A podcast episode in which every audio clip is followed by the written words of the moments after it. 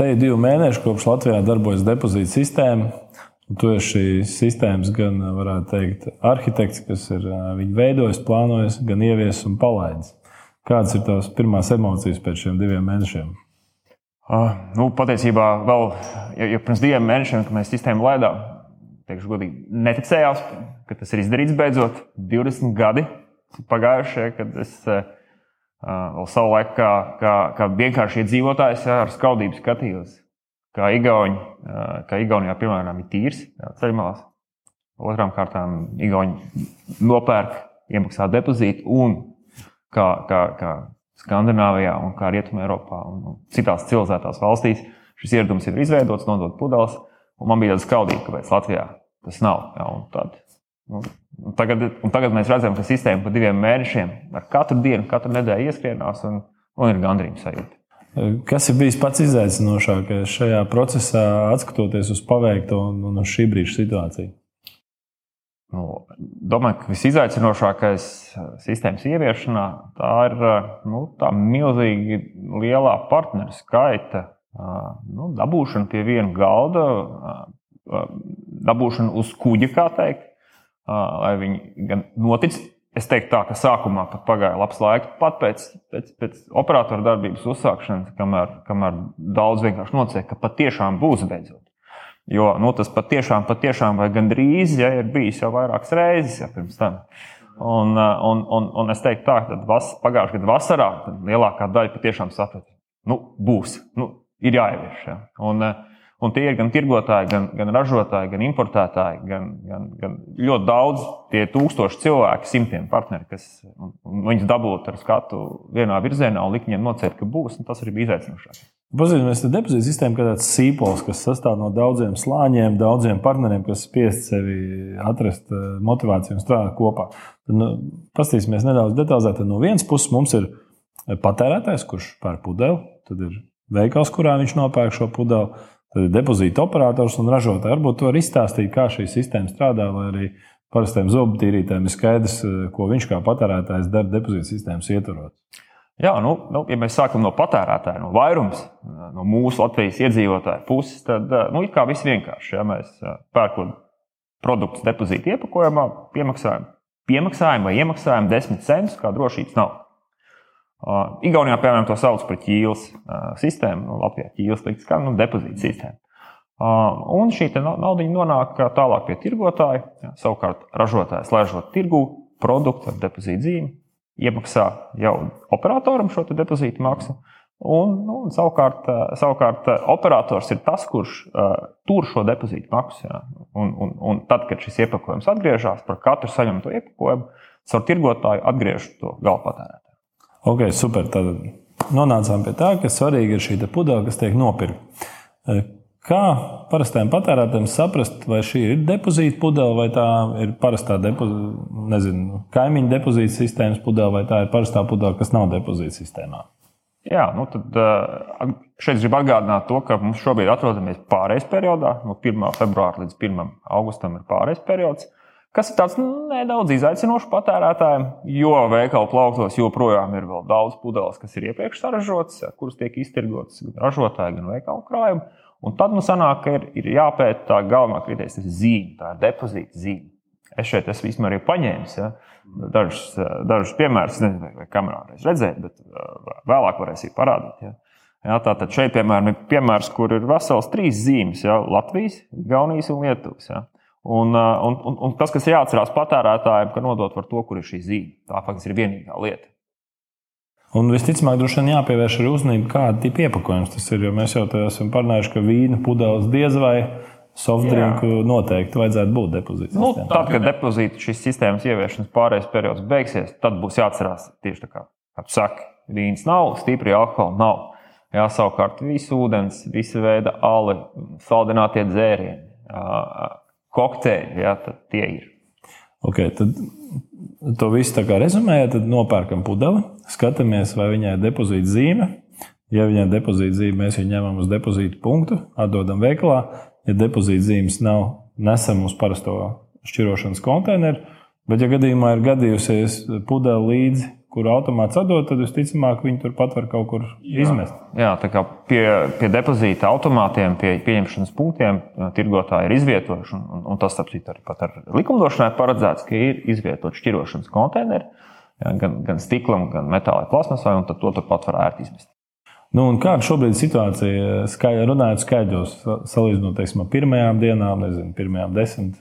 Šobrīd iedzīvotāji nes aktīvi apakaļ, cik plauktos šīs pudeles ir bieži sastopamas. Jā, šobrīd ir tā, ka Gribu atgādināt to, ka pirms 1. februāra ražotāji un arī tirgotāji mums nedrīkstēja tirgot ar depozītu zīmi. Ja? Līdz ar to, kā mēs sistēmu ieviesām, atklājām, tad no nākošās dienas jau sāk parādīties iepakojumi. Februāra beigās tie bija apmēram 15-20% no visa tā, kas izripoja no rūpnīcas ārā, bija ar depozītu zīmi. Nu, šobrīd ražotāji prognozē, ka, ka pēdējās marta dienās tie būs vairāk kā 50%. Ja. Nu, tad, kamēr, un, un es, savukārt mēs plānojam, ka plauktos uz lieldienām jau mēs arī redzēsim jau 50% no visa iepakojuma būs ar depozītu zīmi. Un tas arī nosaka to atgriešanās rādītājus. Ja mēs februāris bija tāds pavisam lēns, ja, nu, mēs šo, šobrīd mēs pieņemam vienā dienā tik, cik mēs pieņēmām visā februārī. Un es pilnīgi pārliecināts, ka mēs aprīlī pieņemsim vienā dienā tik, cik mēs pieņēmām martā. Vai tev ir kaut kāda skaitļa iedot tādu izpratni, nu, cik vienam Latvijas iedzīvotājam gadā būtu jāatnes pudeles uz depozīcijas? Nu, mēs skatāmies uz, uz tādu Latvijas, uz mūsu šīm, šī brīža aplēsēm. Tad viens vidēji Latvijā viens iedzīvotājs apmēram 220, 230 depozītā ietilpstošas pudeles patērē. Vidēji. Okay, tad, ja mēs pārējām naudās, tad tas ir kaut kāda 20 eh, eiro ķīlas nauda, ko katrs iedzīvotājs vai nu saņems, Vidēji, vai nesaņems. Jā. Saņems vai nesaņems. Labi. Un kas notiek ar eh, to naudu, ko cilvēki nesaņem? Jo, protams, ir bijušas dažādas runas par to, vai tā ir bezpējas organizācija, peļņas organizācija, kur šī nauda paliek. Varbūt ir vērts izstāstīt arī situāciju, kur paliek šī depozīta nauda. Jā, nu tā depozīta nauda pirmkārt caur tirgotāju un caur ražotāju. Tiklīdz iepakojums tiek laists tirgu, turētājs ir operators. Un, attiecīgi, par to iepakojumu daļu, kas neatgriežas, šī nauda paliek sistēmā. Un, ko tas nozīmē? Tas nozīmē to, ka tā veido daļu no operatora ieņēmumiem un, un finansē šīs sistēmas pastāvēšanu. Bet es uzreiz gribu nomierināt, ja kāds šajā brīdī domā, viltīgi doma, ka tad jau operators nav ieinteresēts savākt šīs pudeles. Absolūti tā nav, jo ja operators neizpilda tās mērķus, kurus ir noteikti, noteikusi ir, ir valsts, Eiropas Savienība, tad operators to kompensē, eh, maksājot sodu naudas. Un uh, droši vien šeit arī ir liels jautājums, kam šis operators pieder gal galā? Kas ir uh, akcionāri operatorā? Akcionāri mums pavisam kopā ir astoņi, un, un tos veido ražotāji, mazumtirgotāji un arī pārstrādātāji. Tad, eh, principā, mīts par to, ka šo sistēmu ir finansējusi valsts, droši vien ir nevietā. Ja? Tas, tas, ir, tas ir mīts, jā, ka tā ir valsts vai Eiropas Savienības nauda. Valsts tam ieguldījis ne cents šajā sistēmā. Valsts uzdevums ir eh, nodrošināt, ka sistēma ir, ka ir attiecīga likumdošanas bāze, ko viņi veiksmīgi ir izdarījusi, un, un uzraudzīt, lai tā sistēma strādā un pilda savus mērķus. Super. Tad tagad esam atnākuši līdz tam depozīta automātam. Droši vien esam dzirdējuši daudz un dažādas diskusijas par to, vai šis automāts ir moderns, nemoderns, Latvijā ražos, ne Latvijā. Varbūt var pastāstīt, kas tie mums ir pa automātiem, no kurienes viņi ir atbraukuši, kā tika izvēlēts piegādātājs.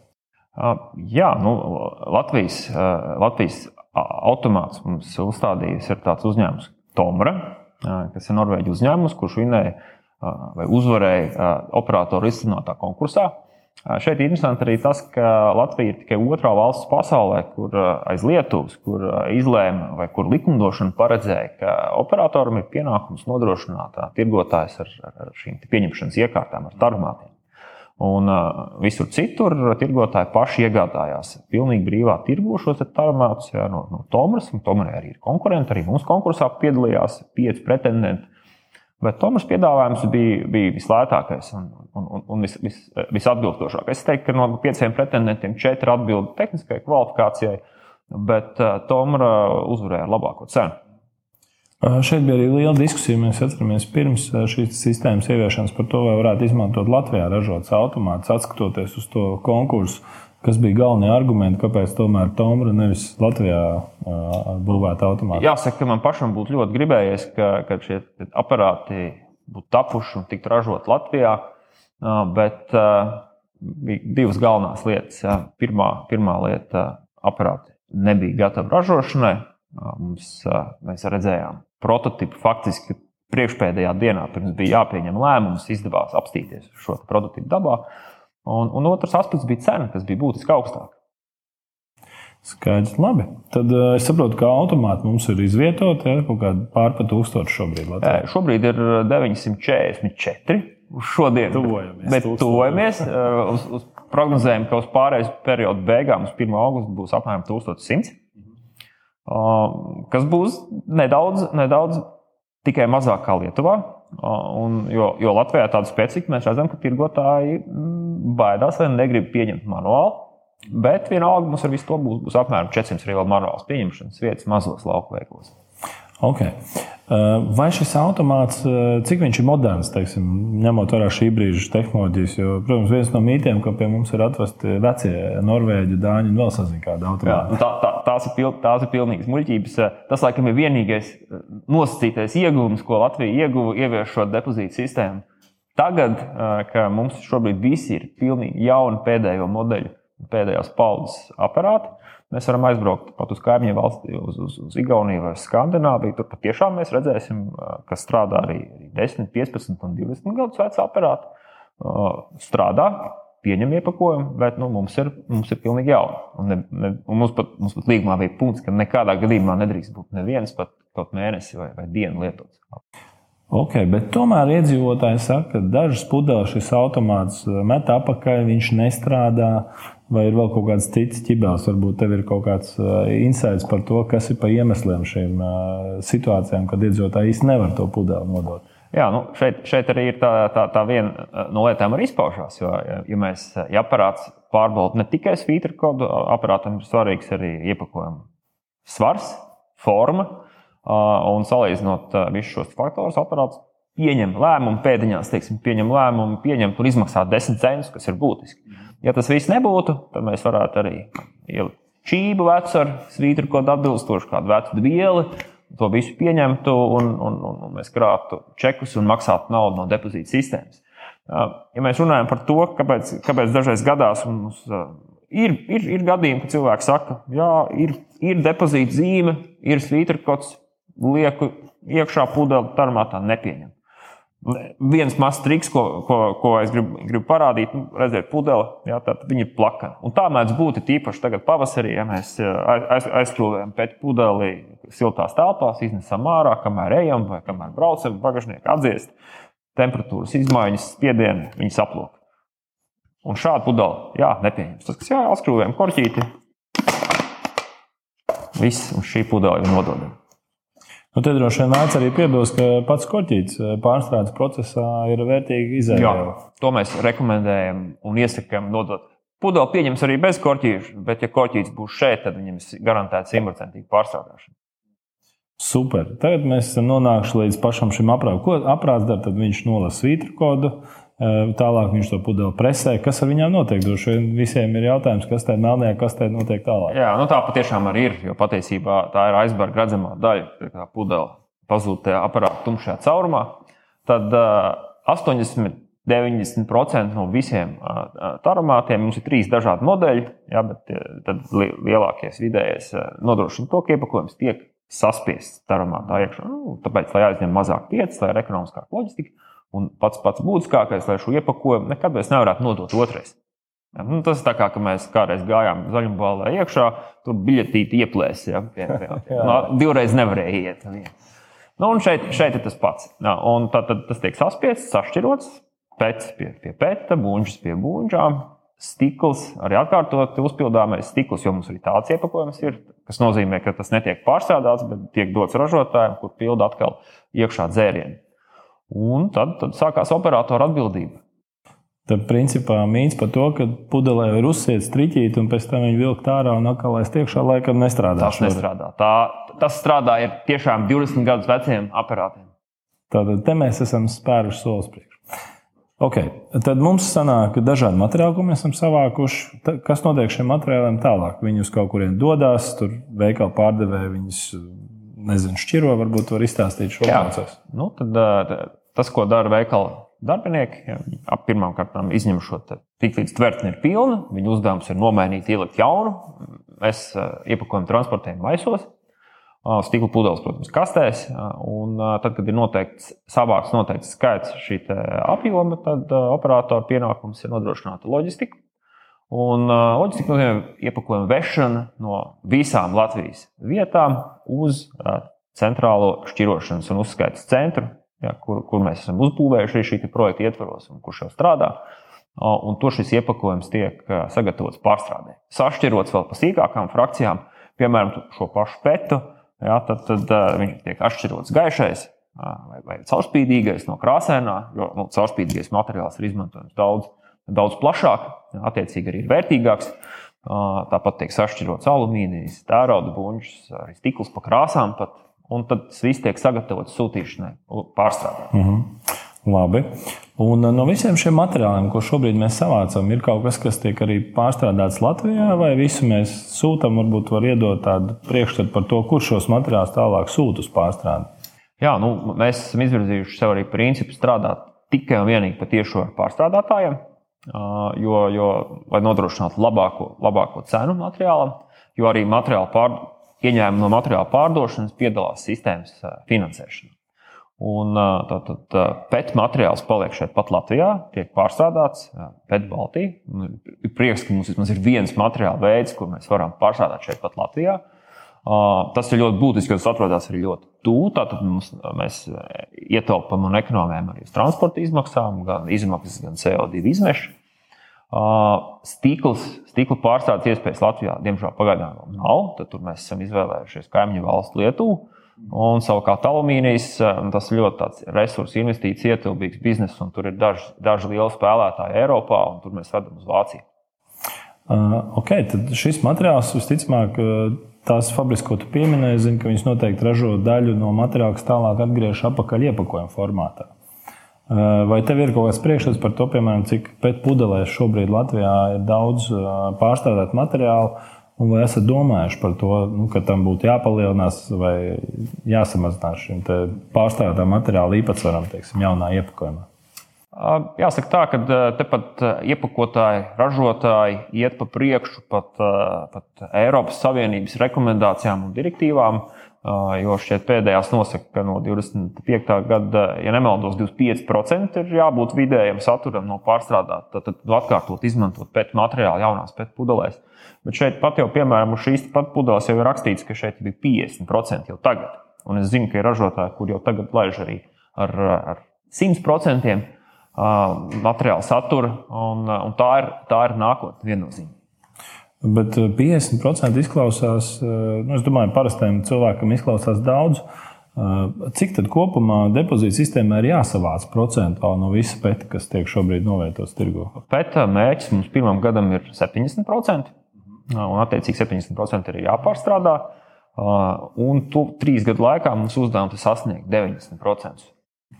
Un tas ir diezgan iespaidīgi. Tā dod cerību, ka Latvijā droši vien pēc pudeles brīvā dabā vairs nemētāsies. Nu, es, tā, es, es ļoti tā gribētu domāt, un tas, kas to ļauj domāt, ir tas, ja mēs skatāmies šobrīd, ka tās brūnās saules pudeles, kuras jau tādā decentralizētā depozīta sistēmā varēja, pirms, kas jau eksistēja pirms tam, šie taras punkti, varēja nodot, un viņas apkārt tikpat kā nemētājās. Un es diezgan droši pārliecināts, ka arī šīs nemētāsies.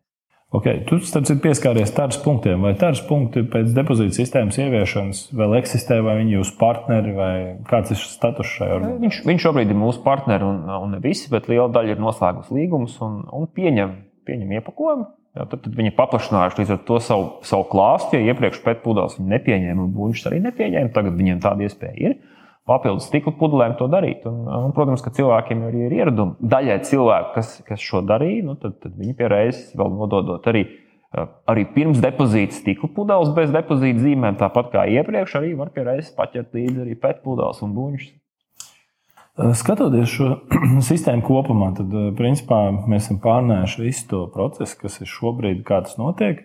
Bet skatoties uz nākotni, kas ir teiksim, tie lielākie izaicinājumi, tavuprāt, kas eh, būs nezinu, pusgada, gada, vairāk gadu griezumā, ar ko saskarsies?